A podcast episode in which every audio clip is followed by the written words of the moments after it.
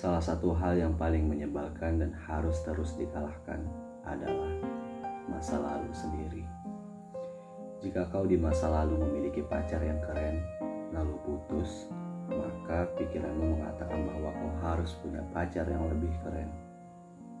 Jika kau di masa lalu memiliki karya yang keren, maka pikiranmu mengatakan bahwa kau harus punya karya yang lebih keren. Jika kau di masa lalu memiliki tampilan fisik yang keren, maka pikiranmu mengatakan bahwa kau harus tampil lebih keren. Semakin keren masa lalu kita, semakin sulit kita bersaing, dan itu sungguh melelahkan. Namun, ada yang lebih melelahkan, yaitu mengenang masa lalu yang indah dengan kondisi masa sekarang yang buruk. Meski beberapa hal memang tak akan bisa sebaik masa lalu, bukan alasan untuk berhenti memperbaiki diri. Fisikmu takkan kembali mudah, barengi dengan otak yang berpikir. Langkahmu tak akan sekuat dulu, barengi dengan perencanaan yang matang.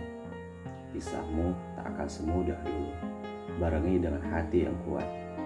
Apa gunanya hidup jika kita di hari ini tidak lebih baik dibandingkan kita di hari kemarin?